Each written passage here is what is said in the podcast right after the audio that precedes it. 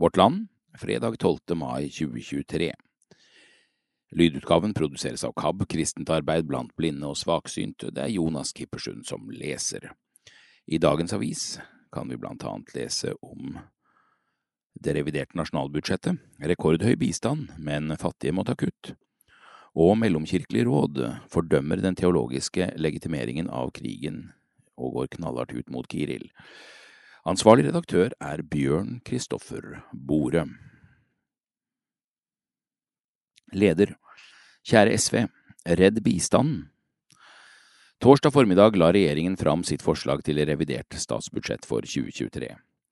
Det finnes gode disponeringer i budsjettet, men regjeringen gjør en skuffende disponering som vil kunne få store konsekvenser fremover. Selv om regjeringen formelt sett justerer opp bistandsbudsjettet til 1% av BNI, så blir 1,5 milliarder tappet ut av budsjettet for tradisjonell bistand og ført over til budsjettet for flyktninger fra Ukraina som kommer til Norge. Dermed blir den tradisjonelle bistanden til fattige land kuttet. Områder som får kutt, er postene for utdanning, sivilt samfunn, helse og vaksiner. Det er forstemmende, usolidarisk og usosialt at regjeringen kutter rått i bistand til de fattigste landene. Langsiktige konsekvenser Innenfor utdanning foreslås å redusere bevilgningen med 152,4 millioner kroner. Innenfor helse foreslås å redusere bevilgningen med 352,3 millioner kroner.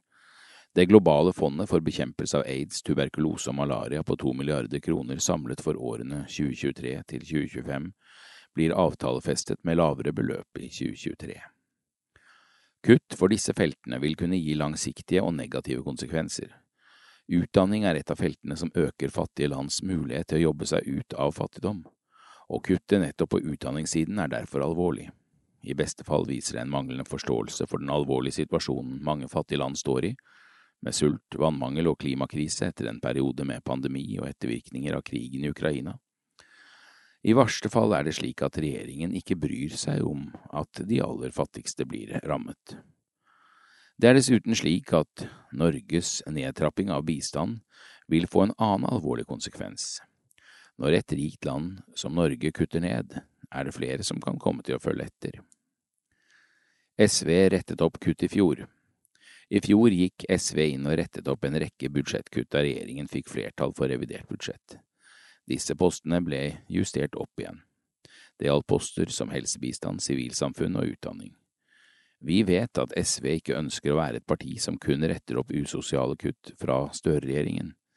De har egne politiske saker de ønsker å få gjennomslag for. Vi håper likevel at SV ikke aksepterer disse usosiale kuttene som Støre-regjeringen nå legger fram. Derfor har vi en bønn til Kjersti Bergstø og hennes flokk. Kjære SV, redd bistanden. Dagens kommentar er ved kommentator Emil André Erstad. Landet med to fortellinger og urealistiske forventninger. Erdogans efterfølger som president i Tyrkia vil ikke få noen enkel jobb med å innfri forventningene fra liberale tyrkere, Europa og NATO. På søndag er det første omgang i det tyrkiske presidentvalget og valget til ny nasjonalforsamling. Det valet finnes det minst to større fortellinger om. Den ene fortellinga lyder slik. Recep Tajib Erdogan var den populære Istanbul-ordføreren som ble dømt til fengsel for å lese et religiøst dikt i 1997, som deretter klarte å komme tilbake og dominere tyrkisk politikk i flere tiår. Han gjorde Tyrkia stort, skapte økonomisk framgang og vant attende respekten for islam i det tyrkiske samfunnet. De som tenker slik, ser seg sjøl som religiøse nasjonalister. Det er den viktigste maktbasen til sittende president Erdogan. Uortodoks økonomisk politikk. Den andre fortellinga er nesten motsatt. Her er Erdogan en diktator som har kosta Tyrkia ut i et økonomisk og politisk uføre på grunn av egenrådige, gammeldagse og lite kunnskapsorienterte holdninger. Mellom annet mener Erdogan at lågere renter vil gi lågere prisvekst, stikk i strid med all konvensjonell kunnskap. Denne gruppa legger derfor, mellom annet, skylda på presidenten for den skyhøye prisveksten i landet. I fjor nådde den 85 prosent. Bare få dager før første valgomgang viser målingene at den samla opposisjonen mot Erdogan kan være optimistisk. Nett nå ligger det an til at opposisjonskandidaten til presidentvervet, Kemal Kiliktaroglu, vil få mest støtte i første valgomgang. Han vil neppe få mer enn 50 prosent i første runde, og dermed vil han måtte møte Erdogan en gang til to uker seinere, søndag 28. mai. Parlamentsvalget, som foregår samstundes, vil opposisjonen med all sannsyn vinne. Det er et interessant trekk ved et land mange har regna som autoritært det siste åra. Den liberale opposisjonen har slagkraft nok til å mellom annet hindre valgjuks, slik de gjorde da Istanbul valgte ny borgermeister i 2019. Det skjedde ved at opposisjonens representanter overvåka alle stemmelokaler. Det samme vil de i stor grad forsøke på søndag.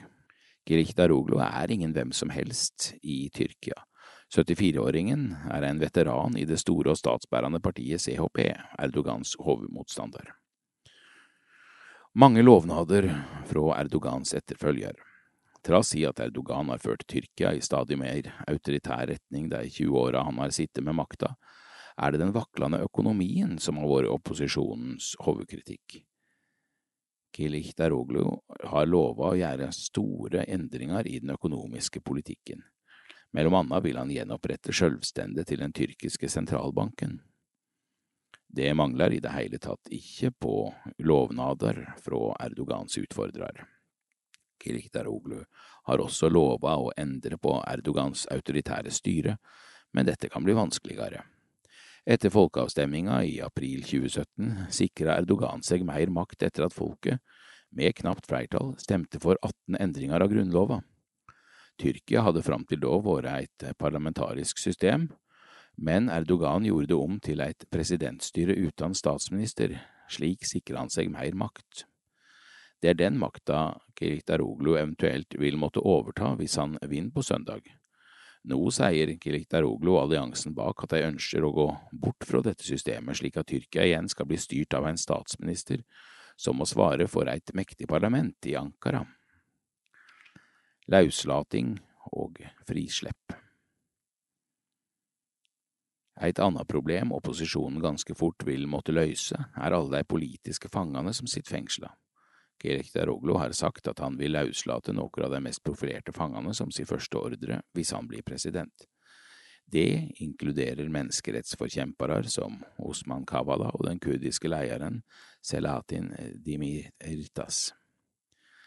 Kilaktoroglu har også lova å gjenopprette rettsstaten ved å sikre frie og uavhengige domstoler. Det samme gjelder ytringsfridommen og den sterke kontrollen med tyrkiske media. I dag kontrollerer styresmaktene de fleste større redaksjonene i Tyrkia. Problemet med alle disse lovnadene er at Kilikdaroglu, i motsetning til Erdogan, ikke har et enkelt parti bak seg i opposisjonsalliansen. I tillegg til det sekulære partiet CHP er det fem andre partier som støtter å skifte ut Erdogan, men disse spriker i mye av politikken de ønsker å føre. Noen av dem er islamistiske og andre ultranasjonalistiske. Forventningene kan bli vanskelige å innfri. De er samlet nå om å være mot Erdogan, men hva skjer etterpå? Dessuten vil ikke de Erdogan-lojale i alle mulige institusjoner forsvinne over natta i Tyrkia, det vil ta tid. Vi kan jo håpe at Kemal Daroglu vil klare å snu Tyrkia bort fra den autoritære tendensen landet har hatt de siste åra. Alt tyder på at Tyrkia vil bli et bedre land å bo i for de aller fleste hvis han vinner. Det er likevel en risiko for at forventningene om hva han kan få til, vil overgå det manøvreringsrommet han har som politiker.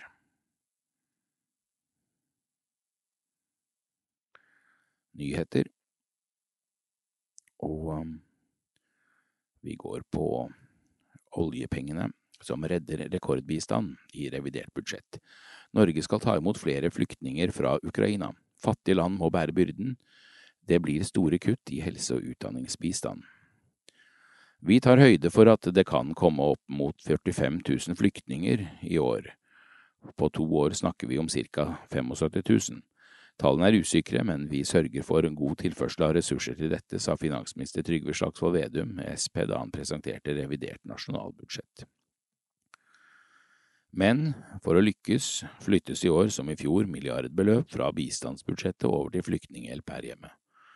Budsjettpartner SV har ennå ikke avgjort om partiet vil kjempe satsinger tilbake. Vedum og regjeringen flytter 1,5 milliarder bistandskroner fra dagens budsjett og over til såkalt ODA, godkjent bistand, mottak av flyktninger. I tillegg legges 1,8 ekstra milliarder inn i den delen som skal gå til bistand til flyktninger her hjemme. Vi mener det ikke er kutt i bistand, for vi setter noe av den største summen til å hjelpe andre enn noen gang, sier finansministeren til Vårt Land. Oppfyller 1 prosenten. I år skal det brukes totalt 58,5 milliarder kroner til bistand. I proposisjonen skriver Finansdepartementet samlet utgjør bistandsbudsjettet 1% av BNI slik det ble anslått i nasjonalbudsjettet 2023. Støre-regjeringen fikk i fjor høst refs for ikke å innfri 1 %-målet. Her er de ekstra milliardene som må til hjelp utenfor Norge, ifølge regjeringens reviderte nasjonalbudsjett. 7,5 milliarder kroner gjennom den sivile delen av Nansen-programmet for Ukraina. 5 milliarder kroner i ettårig ekstrabevilgning til utviklingsland som er særlig rammet av krigens ringvirkninger. 3,2 milliarder gjennom økte ODA-godkjente flyktningutgifter i Norge. Kutter i helse og utdanning, men den siste posten, 3,2 milliarder, finansieres med friske penger, 1,8 milliarder, og en omprioritering av annen bistand på 1,5 milliarder. Det betyr i praksis en serie store og små kutt på flere områder, særlig disse fire. Utdanning. Det foreslås å redusere bevilgningen med 152,4 millioner kroner. Sivilt samfunn. Bevilgningen med 240 millioner kroner foreslås redusert, og det vil bli mindre rom for ekstrautlysninger. Helse. Det foreslås å redusere bevilgningen med 352,3 millioner kroner. Ukraina og naboland. Det foreslås å redusere bevilgningen med 730 millioner kroner. Reduksjonen vil ikke gå utover Nansen-programmet for Ukraina, men en del av midlene som ble bevilget høsten 2022. KrF usolidarisk og skuffende. Finanspolitisk talsperson i KrF, Kjell Ingolf Ropstad, mener regjeringen ikke har prioritert de som trenger det mest i sitt reviderte nasjonalbudsjett. Han mener prosentmålet ikke nås. Når flyktningutgifter i Norge holdes utenfor, bruker regjeringen nå kun 0,92% av BNI på bistand. Strømmestiftelsen og KN er skuffet. Strømmestiftelsen sier i en pressemelding at regjeringen fortsetter å ta penger fra verdens fattigste. Vi har råd til å opprettholde bistanden til fattigste landene, bortsett fra å bosette ukrainske flyktninger og støtte Ukraina. Bistand til de fattigste er ikke inflasjonsdrivende for norsk økonomi. Verden har lovet å utrydde ekstrem fattigdom, sier generalsekretær Erik Lunde. Som i gårsdagens Vårt Land uttrykte også Kirkens Nødhjelp kritikk mot å bruke bistandspenger på flyktningutgifter i Norge. Men organisasjonen er glad for at regjeringen oppfyller 1 %-målet av BNI til bistand. Feil å sette grupper opp mot hverandre. Overfor Vårt Land imøtegår Vedum anklagene om at Norge selv blir største mottaker av norsk bistand. Dette er retorikk fra ulike interesseorganisasjoner, som jo også er avhengig av bistandsbudsjettet. Da bør man være forsiktig med å sette grupperinger opp mot hverandre. Det handler om å hjelpe ukrainske kvinner og barn her eller i Ukraina. Begge deler er riktig av oss, sier han. Men noe er nytt i år. Regjeringen plusser på bistandsbudsjettet med ekstramidler fra statsbudsjettet. Det hentes store summer inn fra oljefondet. Både dagens og tidligere regjeringer har avvist å bruke ekstra oljepenger til bistandsformål på grunn av fare for hjemlig inflasjon. Er det argumentet mot å bruke oljepenger til ekstra bistand nå borte? Penger er penger. Vi kjører makromodeller om hvordan bevilgninger påvirker innenlandsk etterspørsel. Og gir vi penger til Ukraina, påvirker det innenlands etterspørsel mindre enn om vi gir penger til andre formål i Norge. Usikkert om SV vil kjempe mot bistandskuttene. Regjeringens flytting av eh, bistandsmidler til flyktningformål er mindre enn i fjor. Da ble fire milliarder forsøkt omprioritert. Ap og Sp-regjeringen har ikke flertall for budsjettforslaget og innleder samtaler med SV 23. mai.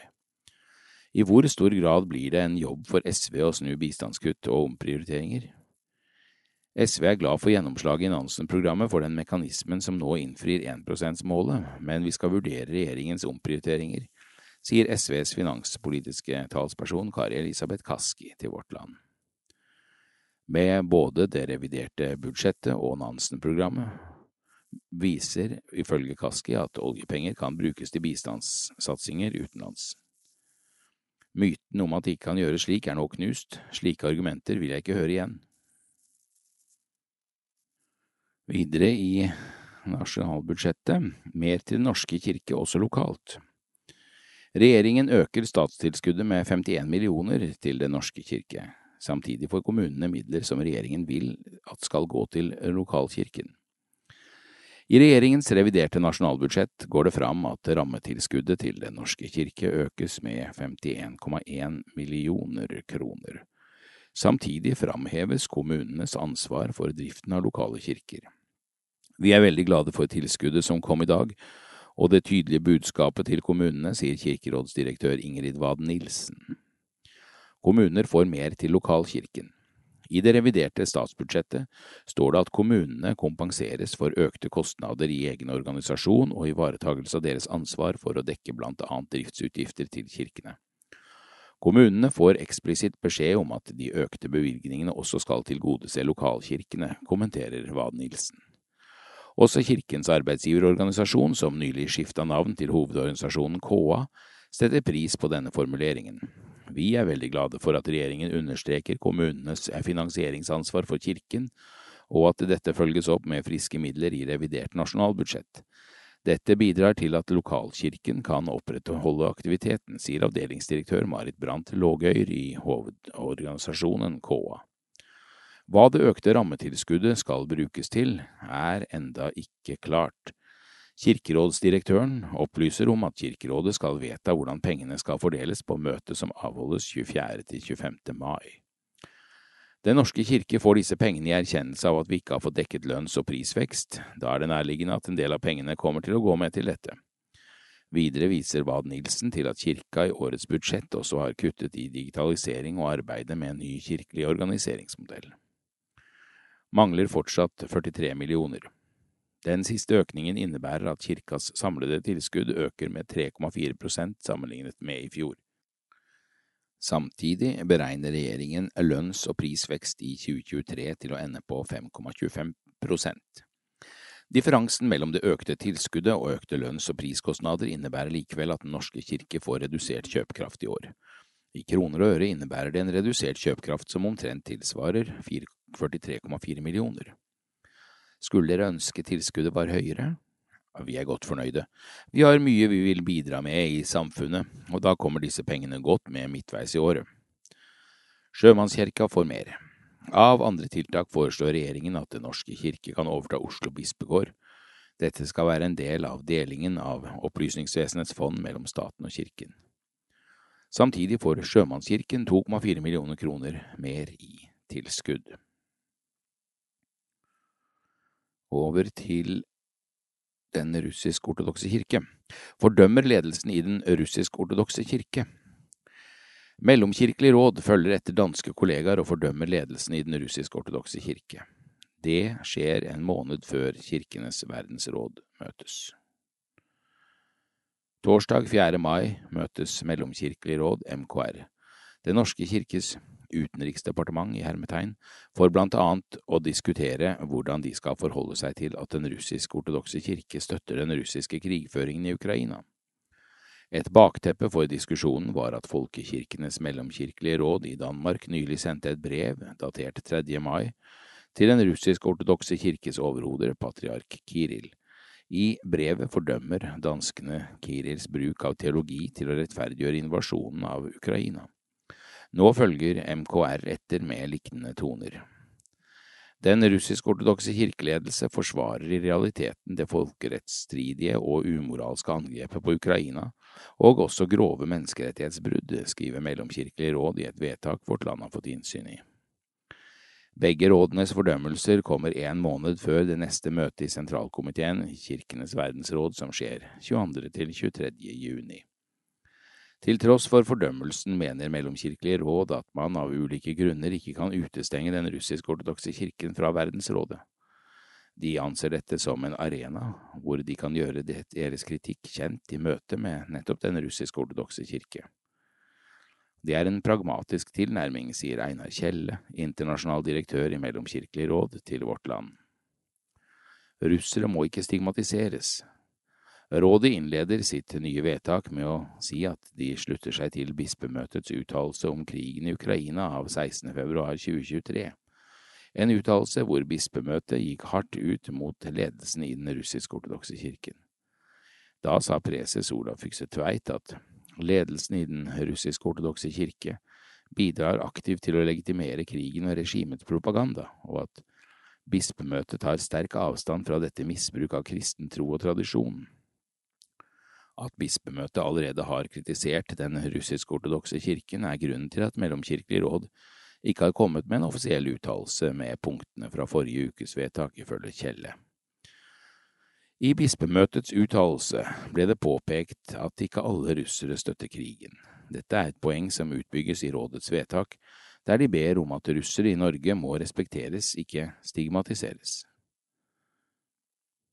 Krevende for russere i Norge Kjelle sier det er krevende å være russer i Norge i dag.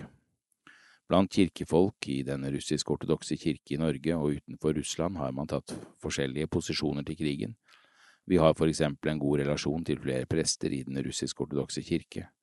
De har deltatt på fredsmarkeringer, og noen steder betjener den russisk-ortodokse kirke både ukrainere og russere. Kjelle presiserer at kritikken er rettet mot kirkeledelsen, ikke øvrige troende russisk-ortodokse. Vi er opptatt av at vi må være tydelige mot kirkeledelsen, samtidig som vi har en mer fleksibel holdning til øvrige medlemmer av kirken, også prestene men det gjelder særlig russere i Norge. Vi har i Den norske kirke flere organister som er russere, flere fra den russisk-ortodokse kirke. Patriark Kiril har blitt kritisert for å understøtte Vladimir Putins og Russlands krig i Ukraina gjennom sine ukentlige prekener. I oktober i fjor sammenlignet Kiril russiske soldaters innsats og eventuelle død i krigen mot Ukraina med Jesus soneoffer. Soldaten ofrer seg selv for andre, og derfor tror vi at dette offeret vasker bort alle synder som en person har begått, sa han. Mellomkirkelig råd mener, slik som bispemøtet, at den russisk-ortodokse kirkes ledelse bruker teologi til å rettferdiggjøre krigen i Ukraina. En slik teologi er i strid med og vanskeliggjør det økumeniske fellesskapet, står det i det nye vedtaket. Vil ikke suspendere. Vårt Land har tidligere omtalt en sak hvor en ukrainsk og en norsk teolog har stilt seg kritiske til den russisk-ortodokse kirkes deltakelse i Kirkenes verdensråd. Teologen Gyri Gunnes har ment at Verdensrådet må suspendere det russiske lederskapet. Den norske kirke har fra før av lagt samarbeidsrådet med kirker i Barentsregionen på is. Her har bispedømmene Nord- og Sør-Hålogaland møtt russisk-ortodokse representanter sammen med samiske, finske og svenske representanter. Men Mellomkirkelig råd sier ikke at de vil forsøke å få de russiske ortodokse suspendert fra Kirkenes verdensråd. Man kan ikke uten videre suspendere den russisk-ortodokse kirke fra Kirkenes verdensråd, ettersom de er en stor medlemskirke. En eventuell utestengelse ville hindre for dialog, og vi tror dialog mellom kirker er viktig, særlig når stater kriger, sier Kjelle. Ukraineren Cyril Hovorun har kalt forsøk på dialog med den russisk-ortodokse kirke i verdensrådet mislykket. Hovorun var Kirils teologiske rådgiver til han sa opp i 2012, etter å ha advart mot Kirils nasjonalistiske ideologi. Hovorun ønsket ikke å delta på verdensrådets generalforsamling i 2022, og sa at den russiske delegasjonen ikke var der for dialog, men for å fremme Kremls agenda. Hvorfor ønsker dere å fortsette dialogen i Kirkenes verdensråd, Kjelle? Det handler om en forståelse av Kirkenes verdensråd som en slags kirkelig FN. Nå er det en av de få stedene vi faktisk møtes, og vi må tro at det kommer en tid etter denne krigen, og da handler det om å få til forsoning og å gjenoppbygge tillit. Hadde vi gått hardt ut og insistert på at de måtte kastes ut, hadde vi nok avskåret muligheten for dialog, selv om dialogen i dag ikke er veldig fungerende, sier Kjelle. Neste møte i sentralkomiteen i Verdensrådet er 22. til 23. juni i år. Den norske kirkes representanter er Ingeborg Midttømme, biskop i Møre, og Kjetil Fredheim, professor ved MF Vitenskapelig høgskole. Mellomkirkelig råd ber i sitt vedtak om at de to framfører den tydelige kritikk av den russisk-ortodokse kirkes legitimering av krigen, og at de støtter Ukrainas ortodokse kirkes søknad om medlemskap i Kirkenes verdensråd. De må ikke forveksles med den ukrainsk-ortodokse kirke. Så til Jehovas vitne. Lang rettstvist avgjort. Jehovas vitner tapte. Enstemmig dom. Nå blir Jehovas vitner nødt til å endre sin praksis etter tap i menneskerettighetsdomstolen.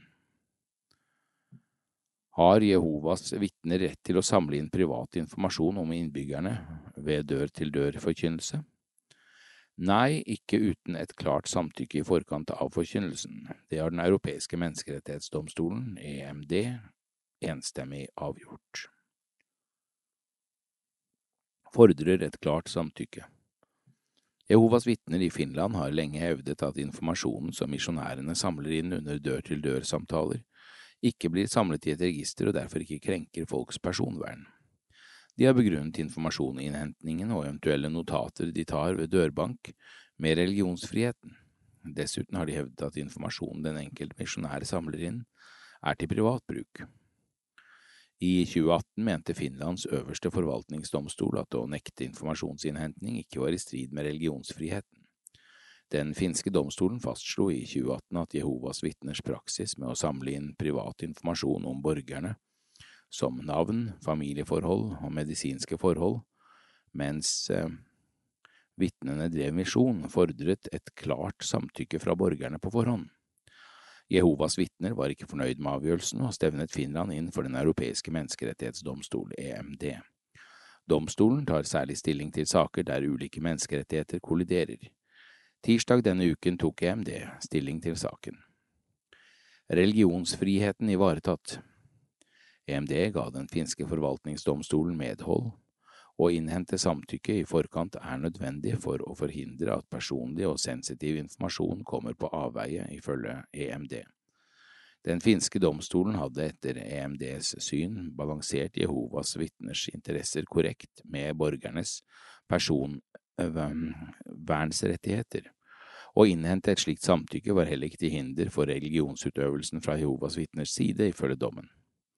Før saken kom til EMD, hadde den versert i flere av Finlands forvaltningsdomstoler siden 2013. Tirsdagens avgjørelse fra EMD blir dermed punktum for en ti år lang juridisk kamp mellom Finland og Jehovas vitners menighet i Finland. Vi tar en oppfølgingssak videre med Jehovas vitner her. Dette må retten ta stilling til i saken mellom Jehovas vitner og staten. Rettsvist har satt dato for rettssaken mellom Jehovas vitners og vitners og Barne- og familiedepartementet. Rettssaken vil foregå mellom 8. og 19. januar 2024 i Oslo tingrett. Tingretten må ta stilling til om Jehovas vitners eksklusjonspraksis i praksis gjør det slik at man ikke kan melde seg fritt ut av trossamfunnet, slik staten og statsforvalteren i Oslo og Viken mener. Det kommer fram i et referat fra et planleggingsmøte mellom partene som ble avholdt den 5. mai. Statsforvalteren trakk Jehovas vitners registrering om som trossamfunn i desember 2022, da de mener eksklusjonspraksisen bryter med barns rettigheter. Dette betyr at Jehovas vitner også mister retten til å vigsle par og til å motta statsstøtte. Etter vår vurdering krenker trossamfunnet medlemmenes rett til fri utmelding. Vi mener dette krenker medlemmenes rett til religionsfrihet. Vi mener også at de krenker barns rettigheter ved at de åpner for å ekskludere døpte mindreårige, og ved å oppfordre medlemmer til sosialt å isolere barn som ikke følger trossamfunnets regler, skrev statsforvalteren i en pressemelding da vedtaket ble kjent. Jehovas vitner mener at vedtaket er ugyldig og krever at statsstøtten for 2021 skal bli etterbetalt med renter. De vil også beholde registreringen som trossamfunn. De mener at statens vedtak er et brudd på menneskerettighetene ved at det krenker religionsfriheten, foreningsfriheten og er en form for diskriminering på grunnlag av religion. Oslo tingrett skal ta stilling til spørsmålene om tilskudd og registrering i en felles behandling, men som to separate saker. Dette betyr at det er mulig for retten å la Jehovas vitner beholde registreringen som trossamfunn uten at de får etterbetalt tilskudd for 2021.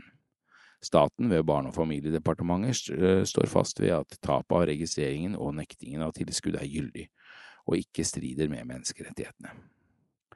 Advokat Anders Christiansrei Ryssdal vil representere Jehovas vitner i saken, mens advokat Liv Inger Jone Gabrielsen vil representere Barne- og familiedepartementet.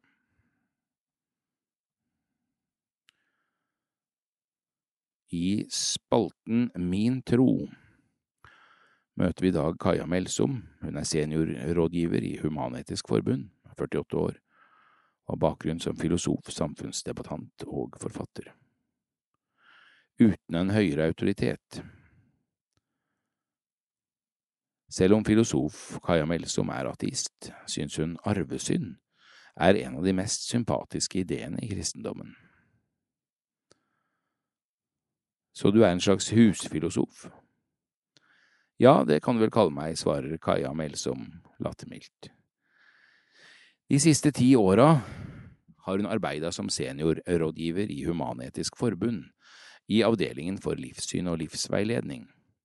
Samtidig har hun også markert seg i samfunnsdebatten, er fast gjest i Verdibørsen på P2 og forfatter av boka Den fordømte friheten, et oppgjør med dagens selvrealiseringstyranni. Vi jobber jo mye med å gi humanetikken innhold, hva man legger i å være et humanetisk livssynssamfunn, hva vi skal mene og hvilke seremonier og tilbud vi skal tilby, forklarer hun. Frigjørende. Melsom har hovedfag i filosofi fra Universitetet i Oslo, byen hun også har vokst opp i. Interessen for faget ble vekka da hun gikk på videregående i Lyon. Der møtte hun en puggeskole, forteller hun, som i mye større grad enn Norge var prega av en fasitmentalitet. Spørsmål hadde gjerne et riktig svar, og det var lite rom for diskusjon. I tredjeåret sto imidlertid filosofi på timeplanen og Melsom slukte både agn og søkke. Det var utrolig frigjørende, endelig et fag hvor det var rom for å diskutere og resonnere. Et praktisk fag. Studietida beskriver hun derfor som både fri og ensom. På den ene sida fikk hun for det meste holde på med det hun ville i fred, samtidig savna hun å ha et større miljø å spare med, og en videre, videre akademisk karriere frista ikke noe særlig. Det handla nok også om at jeg er veldig opptatt av at filosofi også er noe man gjør. For meg handler ikke filosofi først og fremst om å kunne hva den eller den filosofen mente. Filosofi er en aktivitet som alle kan ta del i. At hun etter hvert søkte jobb i Human-Etisk Forbund, handla både om jobbmuligheter, men også at Human-Etisk Forbund representerer livssynet hun identifiserer seg med best. Jeg er jo ateist, Årsaken til det tilskriver hun imidlertid ikke filosofistudiene. Nei, det handler vel om oppdragelse. Det er fortsatt sånn at livssynet til de aller fleste kommer fra foreldrene, og foreldrene mine var ikke religiøse. Liten tiltro. Rundt påske hadde vi jo en velkjent filosofisk disiplin oppe til debatt i spaltene våre, nemlig apologetikken. Hva syns du om den? Altså forsøk på å bevise at Gud finnes med logikk? Ja, stemmer. Nei, jeg tror vel ikke det har så mye for seg. Er ikke litt av poenget med å tro at den må komme fra hjertet, da? Å skulle overbevise noen til å tro på Gud ved logikk virker som en vanskelig oppgave. Ok, men hvis du måtte svare, hva er det beste filosofiske argumentet for Guds eksistens? Oi, utbryter Melsom, etterfulgt av latter. Får jeg lov til å tenke litt på det og komme tilbake til det seinere? Var en kamporganisasjon. En del kristne forbinder Human-Etisk Forbund, og kanskje ateister generelt, med en ganske militant antireligiøsitet. Hva tenker du om den karakteristikken? Det har jeg for så vidt forståelse for, jeg tenker vel at det historisk kan ha vært en ganske treffende oppfatning, men Human-Etisk Forbund har endra seg mye de siste åra, og jeg vil si at det finnes veldig lite av den antireligiøse holdninga i dag. Melsom peker på at Human-Etisk Forbund ble oppretta i ei tid hvor kristendommen hadde monopol på hele befolkningens sjelsliv, og at mange av forbundets pionerer hadde bakgrunn fra det de opplevde som trange kristne miljø. Human-Etisk Forbund var jo på mange måter en kamporganisasjon som ville sprenge åndsmonopolet kirka hadde. Det er en del av vår historie som vi bare må vedkjenne oss, men i dag er jo den kampen etter min mening langt på vei vunnet. De som jobber og er aktive i forbundet i dag, er imidlertid mer opptatt av å fylle livssynet med innhold, forteller Melsom. Hun mener det er viktig å definere livssynshumanismen positivt, altså å snakke om hva man er, og ikke som en motsetning til noe annet. Har sansen for arvesynden. Og hva vil du si er kjernen i dette livssynet, dersom du skal gi en slik positiv definisjon? Da ville jeg vel sagt at livssynshumanisme er en å tro at mennesket selv er satt til å forvalte sine egne liv, samfunnet og kloden, uten å kunne lene seg på noen høyere autoritet. Vi må selv ta ansvar for å skaffe oss kunnskap om verden, godt og ondt, og fylle jordelivet med mening og innhold. På den ene sida målbærer humanetikken ei tro på at mennesket har evne og mulighet til å klare dette, forklarer Melsom. På den andre sida inneholder den også en erkjennelse av at vi mennesker er grunnleggende ufullkomne. Derfor må vi bygge institusjoner og sosiale rammer som tar høyde for feilbarligheten vår. Det enkelte mennesket ser verden fra et svært begrenset perspektiv om av gangen. Derfor trenger vi et mangfold og stemmer for å nærme oss sannheten.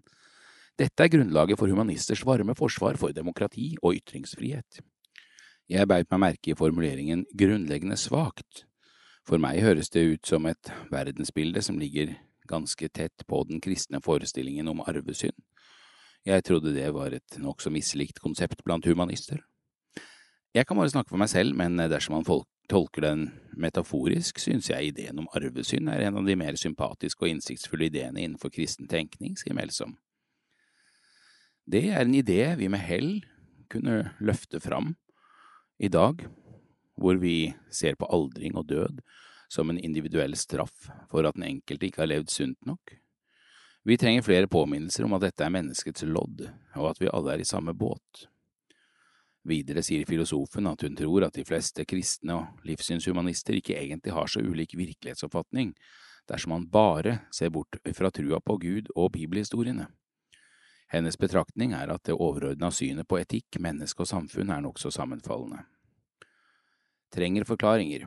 På spørsmål om hva Human-Etisk Forbund må jobbe videre med, svarer Melsom at de vil utvikle seg som livssynssamfunn gjennom å videreutvikle seremoniene, tilbudet om livsveiledning og å bygge opp organisasjonen som en møteplass for medlemmene. De sjelelige behovene som kirka tidligere har ivaretatt, forsvinner ikke selv om mennesker slutter å tro på Gud, forklarer Melsom. Videre sier hun at en grunnleggende del av menneskets natur er å dele fortellinger, og at det er gjennom dem vi forklarer både omverdenen og oss selv. Jeg tror jo det er årsaken til at religion er så utbredt. Behovet for forklaringer er så sterkt i oss at dersom valget står mellom en dårlig forklaring og ingen forklaring, så velger vi nesten alltid den, den dårlige forklaringen. Disse fortellingene fortsetter, ifølge Melsom, å være meningsfulle, selv om det ikke tilskrives noen høyere autoritet, og selv om man gjennomskuer, i hermetegn, at disse fortellingene er konstruksjoner. Vi trenger ikke nødvendigvis tro at disse fortellingene er sanne for at de skal gi mening. Der spiller kunst og kultur en kjempeviktig rolle. Melsom forteller at hun personlig er særlig glad i skjønnlitteratur, og selv om hun veit utmerka godt at historien ikke er sann, kan hun likevel oppleve at den sier noe sant om hva det vil si å være menneske. Også religiøse tekster som Bibelen kan oppleves som meningsfulle, selv om man ikke tror at de forteller noe om Gud. Gudsbeviset Samtidig mener Melsom at vi også trenger noen felles, overbyggende fortellinger om hvem og hva vi er som samfunn. I forlengelsen av dette mener hun man kan rette kritikk mot enkelte sekulariseringsforkjempere for å ikke i tilstrekkelig grad ha tatt inn over seg hvor avgjørende offentlig sosialisering er for å forme etikk og normer. Det er ikke slik at mennesket bare kan suge dette av eget bryst, vi oppsøker de normene og verdiene som finnes der ute, da kan vi ikke tenke at sekularisering innebærer å rydde alle som formidler verdier ut av offentligheten. Hvis alt vi presenteres for er profittenkning og konsum, ja, da får vi et konsumsamfunn, da. Så var det gudsbeviset, da. Ok, jeg skal gi det et forsøk. Jeg må vel prøve å treffe ateisten på et sårt punkt, sier filosofen og stålsetter seg. I en verden hvor noen fenomener som for eksempel frihet og kjærlighet, framstår som like ekte og eksisterende som andre ting vi sanser og oppfatter, men samtidig ikke aleine kan spores tilbake til fysiske bestanddeler, gir det til en viss grad mening å se for seg at disse eksisterer på et annet plan enn det fysiske. Og da er det ikke umiddelbart ulogisk at noe også har gitt oss tilgang til dette. Ansiktsuttrykket minner litt om uttrykket til en som er på vei ned fra scenen etter en karaokeforestilling. En flyktig mine av gremmelse, etterfulgt av en lett kremtende latter. Det beste argumentet for religion, mener hun imidlertid, det er filosofen Blaise Pascal som har formulert. Han ser på spørsmålet som et veddemål, og måler innsatsen ved det å tro, som er forholdsvis liten, opp mot potensielt utbytte, som kan være uendelig stort med tanke på et eventuelt liv etter døden. Det er jo et komisk argument og helt feil motivasjon for å bli religiøs. Det blir litt som å bli sammen med noen på grunn av formuen deres. Selv var han jo dypt religiøs, men han skjønte at det ikke lar seg gjøre å bevise troa ut fra fornuft. Fire raske Gud er en forståelig lengsel som jeg ikke tror på. Jeg klarer meg ikke uten kaffe. På gravsteinen min skal det stå Jeg veit, ja, det veit jeg, for barna mine forteller meg det hver gang de syns jeg sier noe dumt. Filosof. Parentes, hun prøvde i hvert fall parentes slutt. Boka alle må lese, Fuglane av Tarjei Vesaas. Over til eh, verdidebatt, først et innlegg fra Mia Erlandsen, diakon og artist. Ta tilbake drømmen. Oppvekst. Jeg har tatt mot til meg, gir ut musikk og deler noen tanker jeg har brent inne med en stund. Dette er en historie om å ta tilbake drømmen. Jeg har holdt på med musikk siden jeg var barn, og sang i barnekor. Allerede da gjorde jeg det for Jesus. Jeg hadde en korleder i en trosmenighet som spontant ga meg beskjed om å be høyt i mikrofon, både på øvelser og når vi opptrådte, gjerne på byens torg. Han brukte også ofte anledningen til å forkynne for oss at vi måtte være frimodige for Jesus, passe på at venner og familie ble frelst, og han snakket om at vi ikke måtte kompromisse. Det var et vanskelig ord, synes vi barna, men han lærte oss en sang om det. Vi vil ikke kompromisse, vi vil gå rett frem, vi vil leve rett og hellig, Far. Vi vil se din herlighet, du er verdig vår pris, du er verdig vår tid, du er verdig vårt liv og vår hengivenhet. Denne lærte jeg som tiåring. Jeg sang det, og jeg mente det. Teksten sitter fortsatt, 30 år senere. Og den har formet meg. Det er dette jeg protesterer imot nå og som preger en del av tekstene i låtene i protestmusikken i hermetegn jeg gir ut. Etter barnekorets tid ble det mye lovsang og inderlig tilbedelse. Jeg mente hvert ord, dypt og inderlig. Som tenåring sang jeg om å legge ned mitt eget liv, dø for Kristus, gå dit han ville ha meg, gjøre det han ville jeg skulle gjøre. Jeg gråt ofte mens jeg sang, løftet hendene i overgivelse, bøyde kne i underkastelse. Valgte bort dansen. I tenårene danset jeg flere kvelder i uka i byens dansestudio. På dagtid gikk jeg på musikklinje. Jeg var god, også fikk jeg høre. Burde satse, fikk jeg høre. Men i det kristne miljøet jeg var en del av, ble det lagt tungt over den unge generasjonen at det var Jesus som skulle satses på, sagt på en annen måte, bruke tid på å bli mer lik Jesus og vinne verden for Kristus. Voksne ledere la over meg at jeg måtte prioritere riktig. Jeg valgte bort dansen, og musikken ble kanalisert inn i lovsangen. Riktignok ble både dans og musikk brukt i ungdomsarbeidet jeg jobbet i, men døgnet hadde for få timer til at jeg kunne utvikle meg kreativt, slik jeg drømte om. Som ungdomsleder lærte jeg videre det jeg selv hadde lært. Jeg har minner av at ungdommer kom til meg da jeg selv var en veldig ung leder, for å si at de ikke hadde tid til å være frivillig i ungdomsarbeidet lenger. Jeg håper jeg møtte dem bedre enn jeg selv ble møtt, men jeg frykter at jeg var med på å ødelegge noen drømmer, eller skyve noen ivrige fotballspillere eller kunstnersjeler ut av menigheten. Her var det alt eller ingenting. Alle var velkomne, men man kunne fort oppleve seg mindre viktig om man ikke prioriterte det kristne kallet først. Ønsket å kjenne meg fri. Nå hopper jeg et stykke frem i tid, til sommeren for åtte år siden. Jeg befant meg litt plutselig i en situasjon der jeg ikke hadde ansvar for andres liv lenger, Det var sånn det føltes. Til da, helt siden tidlig barndom, hadde jeg strevd etter å leve som et kristent forbilde, i ord, livsførsel, i kjærlighet, i tro, i renhet. Jeg hadde ikke tenkt sjæl, hadde ikke ment noe sjæl, hadde ikke stilt spørsmål, våget ikke stille spørsmål, var redd verden skulle ramle sammen, ikke bare min verden, men verden til alle de jeg kjente et ansvar for. Det hadde helt klart bygd seg opp en haug av tanker og følelser over tid, som en sommerdag for åtte år siden resulterte i et intenst ønske om å kjenne meg fri. En prosess var i gang inni meg. Jeg hadde i noen små uker fått kjenne på hvordan det var å ikke ha ansvar for andres kristenliv, og jeg våget så vidt å kjenne på et ønske om også å slippe ansvaret for menneskers frelse. Men det var jo en altfor ukristelig tanke til at jeg våget å tenke den helt ut den gang. Det vokste også fram en annen trang i meg, å følge musikkdrømmen. Jeg har gått en vei for å finne friheten, og for å våge å være i friheten. Ikke det at jeg er fri på alle mulige måter, men jeg har funnet min frihet. Den handler om å godta at jeg ikke har alle svarene, om at dersom jeg har en tro, så handler den ikke om å vite. Min frihet handler om å kunne leve her og nå. Min frihet handler om å omfavne alle mennesker, at alle mennesker er født fri til å være den de er. Min frihet handler også om å våge å drømme og videre våge å gjøre noe med drømmen. Og nå tar jeg altså tilbake drømmen. Det skulle ta noen år før jeg våget, men jeg våger meg utpå selv om det koster litt. For min del handler det i stor grad om musikken. For andre igjen er det andre drømmer som skal tas tilbake og formes på nytt. Våg å drømme, og la oss heie på de som våger, og ikke minst på de vi ser som nesten våger.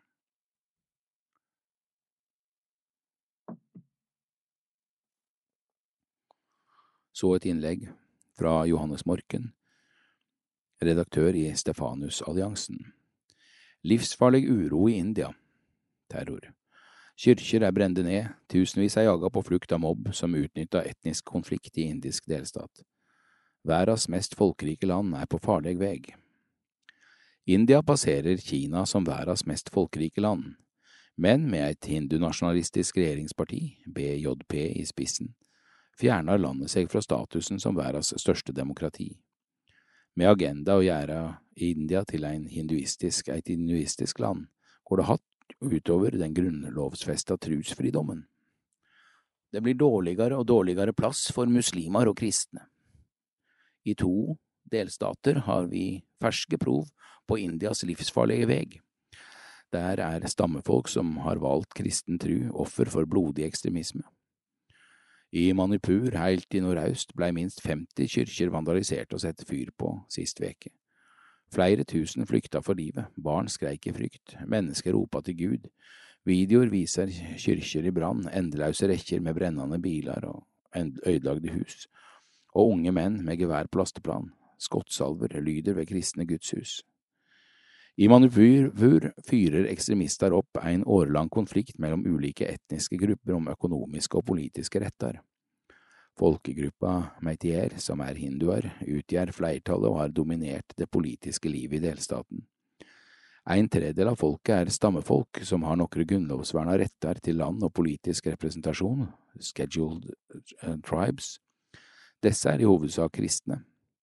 Hinduekstremister og lokal mobb har med våpen og brannbomber utnytta konflikten og sett fyr på delstaten. Dragkamp om retter. Stammefolk i India blir ikke anerkjente som urfolk, men de har grunnlovfesta retter til land, utdanning og politisk representasjon. I Manipur har metierfolket kravd å få de samme rettene. Da Høyesterett i april stelte seg på flertallet si side, frykta stammefolket at rettene deres ble utvotna. Delstatsregjeringa har alt tatt fra dem landområdet og gjort mange heimlause. Den 3. mai var det arrangert en stor og fredelig demonstrasjon i den nest største byen, Kandapur, og flere andre steder. Ekstremistisk jobb, mobb gikk løs på demonstrantene. Resten er ei tragisk historie. Da den første veka av mai var omme, var minst 7500 mennesker jaga på flukt eller blitt evakuert av hæren. Minst 50 kyrkjer var sett i brann eller vandalisert på andre måter. En indisk akademiker som sjøl er fra Manipur, sier fra Kolkata at stammefolka som demonstrerte ikke var budd på krig. Mobben hadde skaffa seg våpenlisenser og våpen. Hæren greip inn med evakuering av stammefolk, portforbud og stengte internett for å stagge den ufattelige voldsbølga.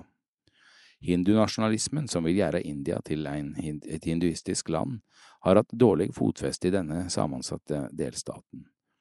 Men etter at det hindunasjonalistiske partiet BJP kom til makta i Manipur i 2017, har de polariserende kreftene mobilisert.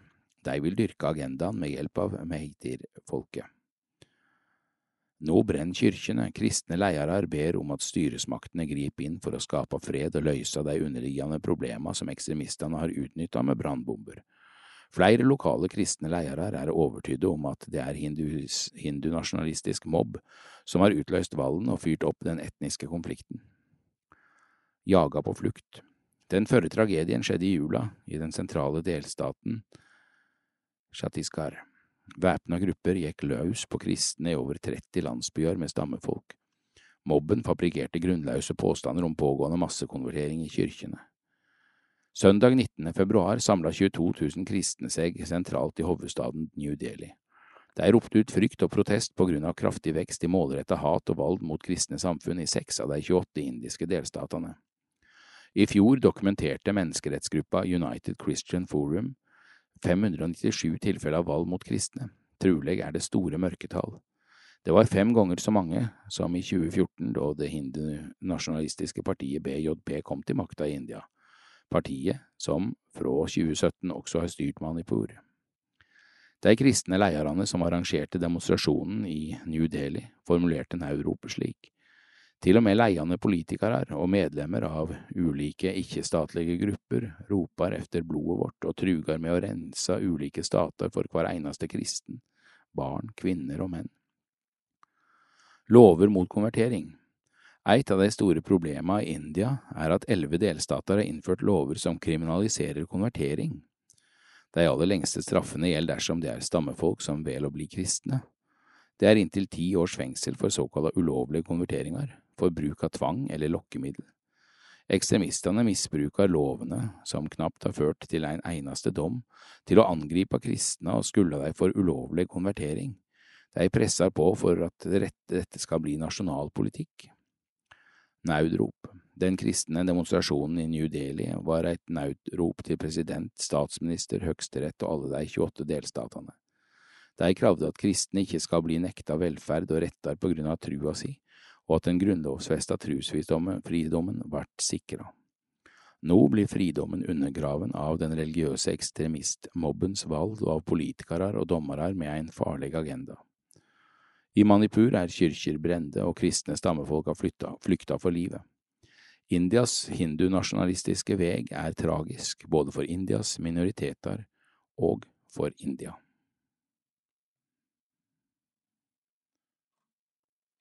Over til bøker og kultur. Først Utforsker det tiende budet Bokserie Begjæret ser ut til å være omvendt proporsjonalt med behovet. Jo mer vi har, jo mer ser vi ut til å begjære, erkjenner forfatteren Levi Henriksen. Den uka ble boka Som vi forlater våre skyldnere lansert.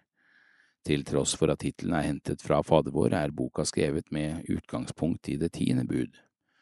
Du skal ikke begjære din nestes ektefelle, hans arbeidsfolk eller andre som hører til hos de neste. Begjæret er nok ikke blitt mindre siden budene ble skrevet.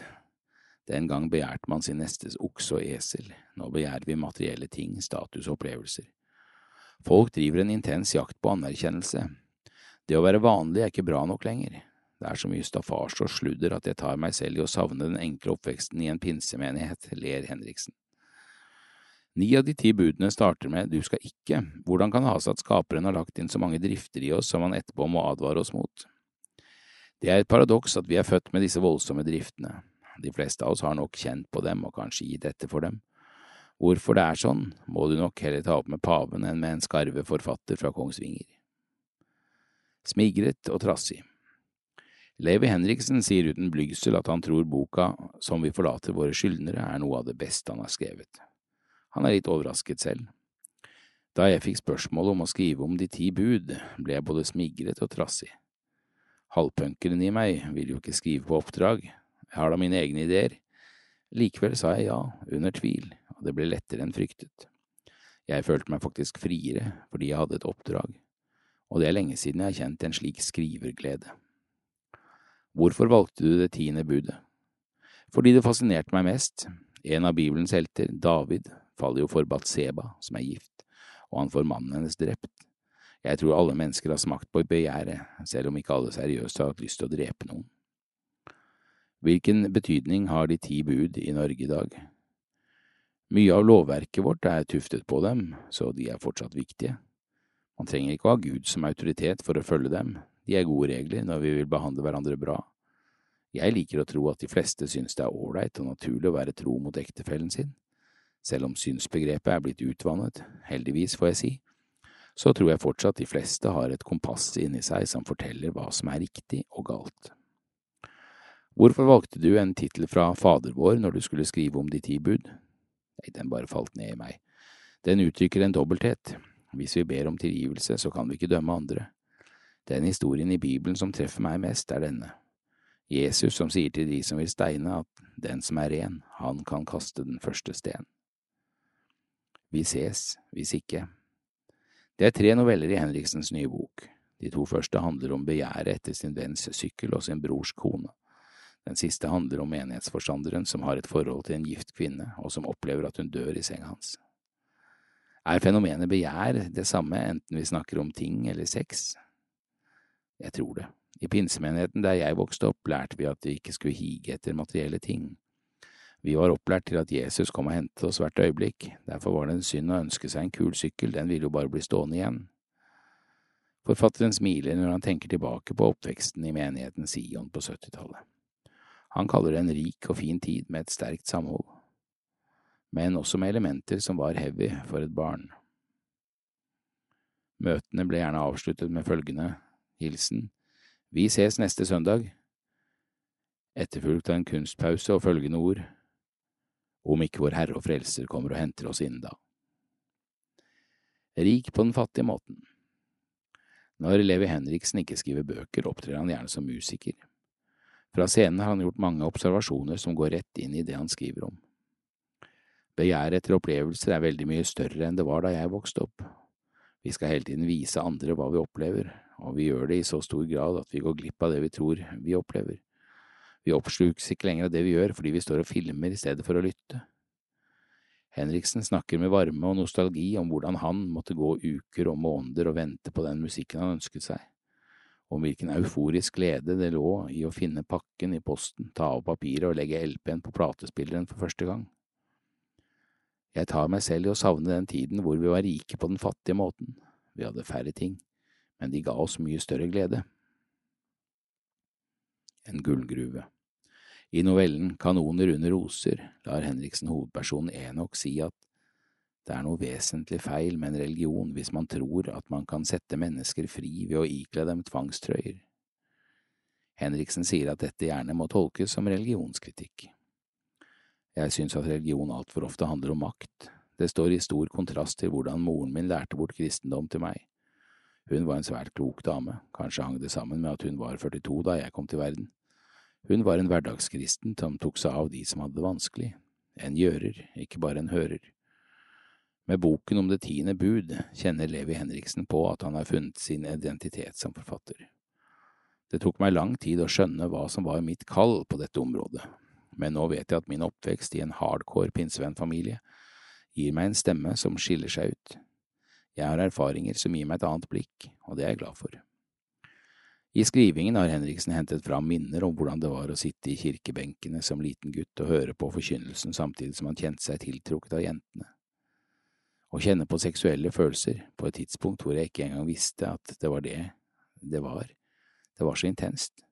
Jeg ante ikke noe om det da, men nå ser jeg at dette er en gullgruve å sitte på for en forfatter. Jeg kjenner Levi Henriksen. Så en anmeldelse av Lars Ramslis bok Fjellet, geværet, vannet.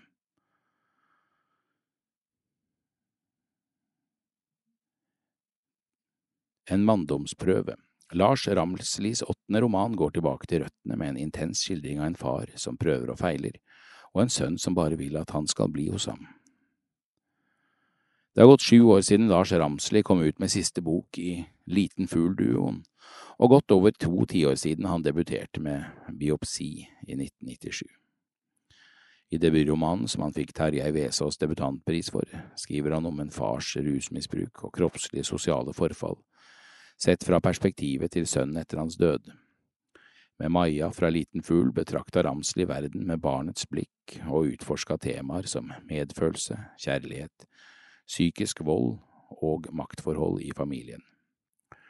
Årets utgivelse kombinerer debutbokas farsfigur med dette barneblikket og tar med seg de samme kjernetemaene. Det er en medrivende fortelling som, sjøl om det skjer lite, oppleves som dramatisk. Nærhet og vold forkludres i et gripende farsportrett, hvor nedarva ideer om mannsrollen og den norske folkesjela setter kjærligheten på prøve. Den beste sommeren Boka består av tre deler med titlene Former for omsorg, og biene lagde honning i løvenes skalle, og Solaris. Den sentrale handlinga utspiller seg i løpet av én dag da romanens jeg-person er ni år, sommeren 1983. Dette skulle bli min beste sommer, skriver han, min beste ferie noensinne, da jeg endelig var sammen med deg hele tiden, endelig skulle ha en pappa. Far og sønn er tilbake på gården som har tilhørt slekta i mange generasjoner, men som faren har mista odelsretten til. Med tidlige hint til alkoholmisbruk og vold er det tydelig at det er noe feil med faren som har gjort ham arveløs.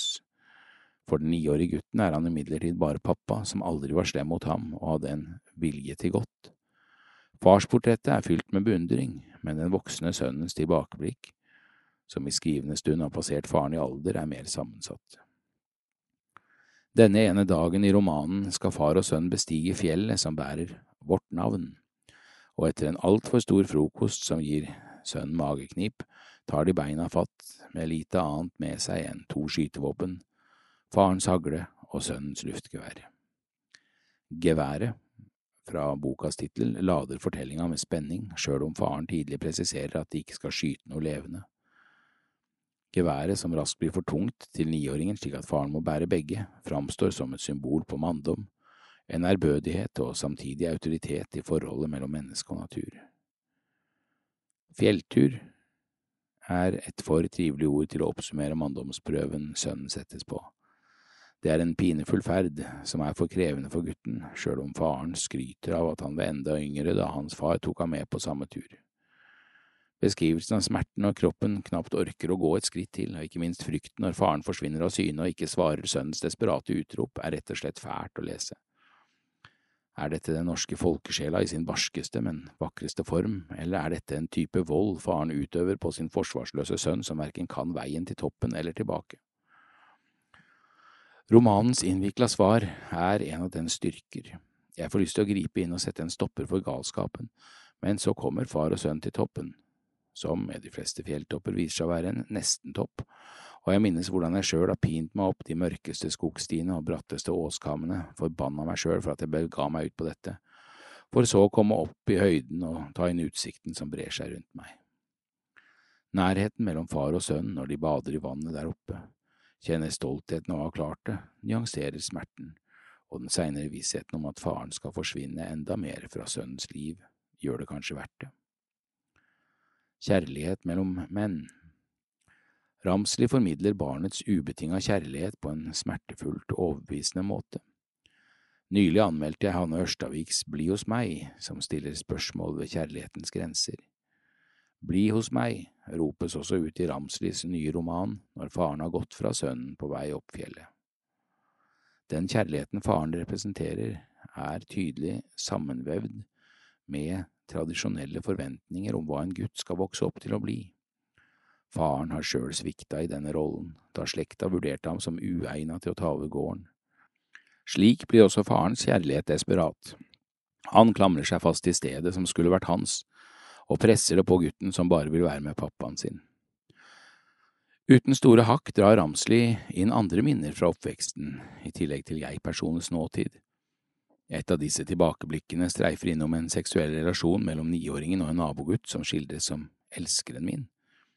De blir utskjelt av naboguttens far, men ellers gjøres det ikke en stor sak ut av det i romanen. Niåringen får med seg den høyt akta Kiss-samlinga til søstera når han skal dra derfra, en pappeske som snart skal gå tapt i farens fravær. Referanser til Kiss og andre musikkgrupper går igjen i boka, og framstår som en underdrevet, men treffende kommentar til kolliderende mannsidealer. Skinnkledde menn i full sminke som rocker på scenen og gauler ut Do you love me? Den seksuelle erfaringa mellom de to guttene satt opp mot far og sønns nakenbading på fjellet, og guttens begeistring for både Kiss og luftgevær, går sammen i en utforsking av kjærlighet mellom menn, gryende seksualitet og identitetsforming. Jeg liker imidlertid at dette bare er der, som noe helt naturlig, og at far og sønn-forholdet får bestå som ei samling gode og etter hvert vonde minner, ulikt, men gjenkjennelig for mange. Bibelsk ekko, poetisk prosa. Framdriften i fjellet, geværet og vannet skapes av Ramslis rytmiske prosa. Ja, med få justeringer kunne dette nesten vært et langdikt. Med bruk av gjentagelse, innskudd og syntaktisk variasjon blir leseropplevelsen både lett og musikalsk. Formen understøtter også innholdets karakter som minnearbeid. Minnets lysende grense er romanens undertittel, og henviser til et slikt prosjekts begrensninger, og samtidig hvordan fortida lyser gjennom sprekkene i den tilbakeskuende nåtida. Romanens poetiske stil forsterkes ytterligere med bruken av bibelske figurer, som Moses' ferd oppå Sinai-fjellet, striden mellom brødrene Kain og Abel og Abrahams ofring av sønnen sin. Du er Gud, sier sønnen i boka om faren. Du er terrenget, en ledende pil gjennom terrenget. Romanen i sin essens er en påminnelse om at for barnet er foreldren den høyeste og det eneste. Å bli voksen er å lære at foreldre ikke er Gud, men feilbarlige mennesker, og at kjærligheten til dem er mer komplisert enn vi skulle ønske.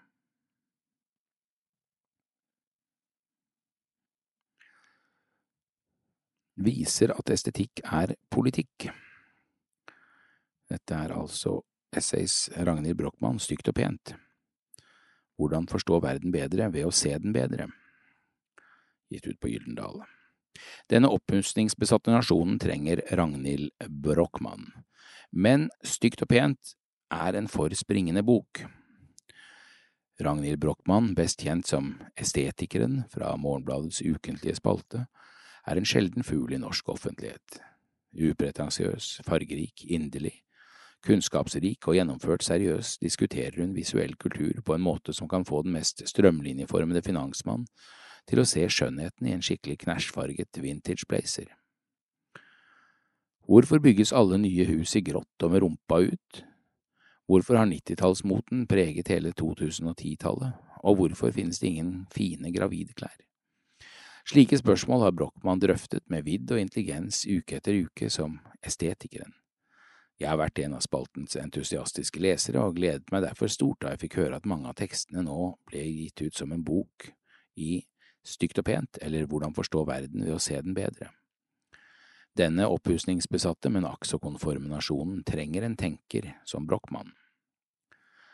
Den feminine sfære Det inspirerende med Brochmanns tekster er at hun tar visuell kultur på alvor og setter den inn i en politisk og historisk sammenheng.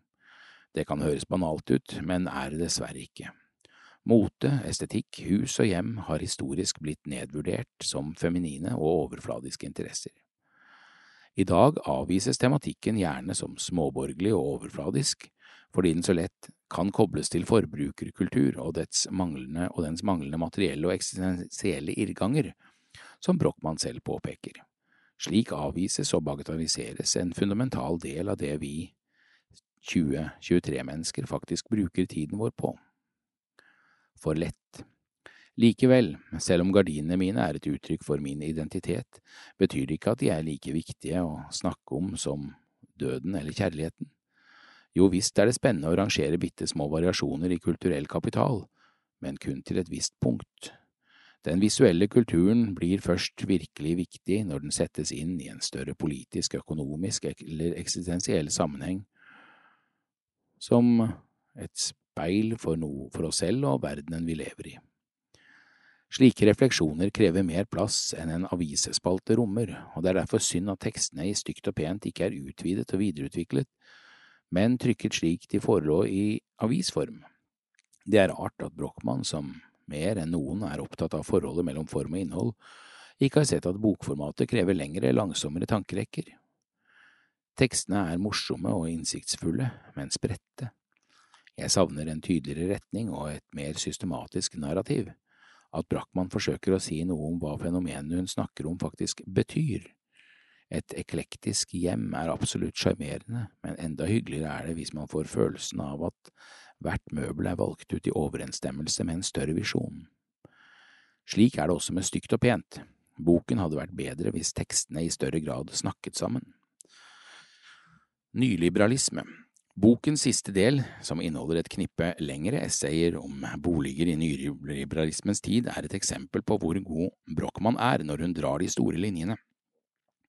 Her viser Brochmann hvordan storentreprenørenes estetikk, ingen nevnt, ingen glemt, har adoptert nyliberalismens mantra There is no alternative Tidløshet og frihet er blitt det samme som sprossløse vinduer i pregløse bokser, og vi stakkars kjøpere tror vi ikke har noe annet valg enn å akseptere markedskreftenes billigløsninger.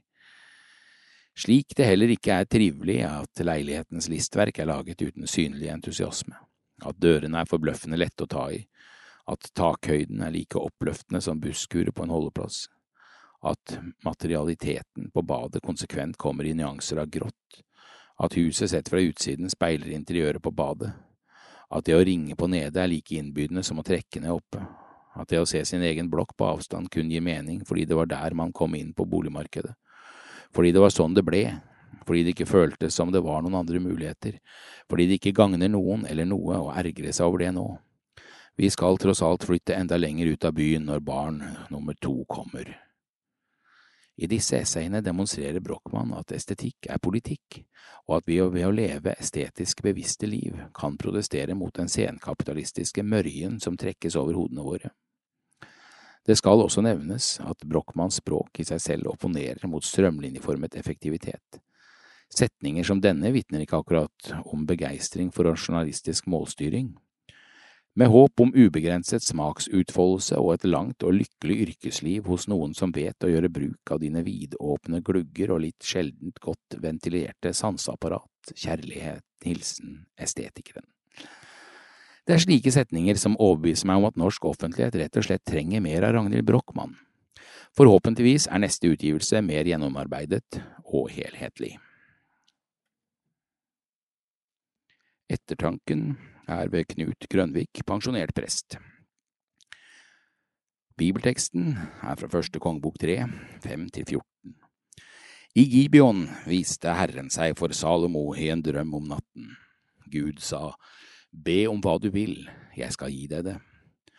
Salomo svarte, Du har vist stor godhet mot din tjener David, min far, fordi han vandret for ditt ansikt i troskap og rettferd og hadde et hjerte som var oppriktig mot deg. Du har holdt fast ved din store godhet ved å gi ham en sønn som i dag sitter på hans trone. Nå har du, Herre, min Gud, gjort din tjener til konge etter min far David, enda jeg bare er en ung og uerfaren mann. Her står din tjener, midt iblant ditt folk, som du har utvalgt, et folk så stort at det ikke kan telles, og så tallrikt at det ikke kan regnes. Gi da din tjener et lydhørt hjerte, så jeg kan styre ditt folk og skille mellom godt og ondt for hvem kan ellers styre dette folket så stort som det er?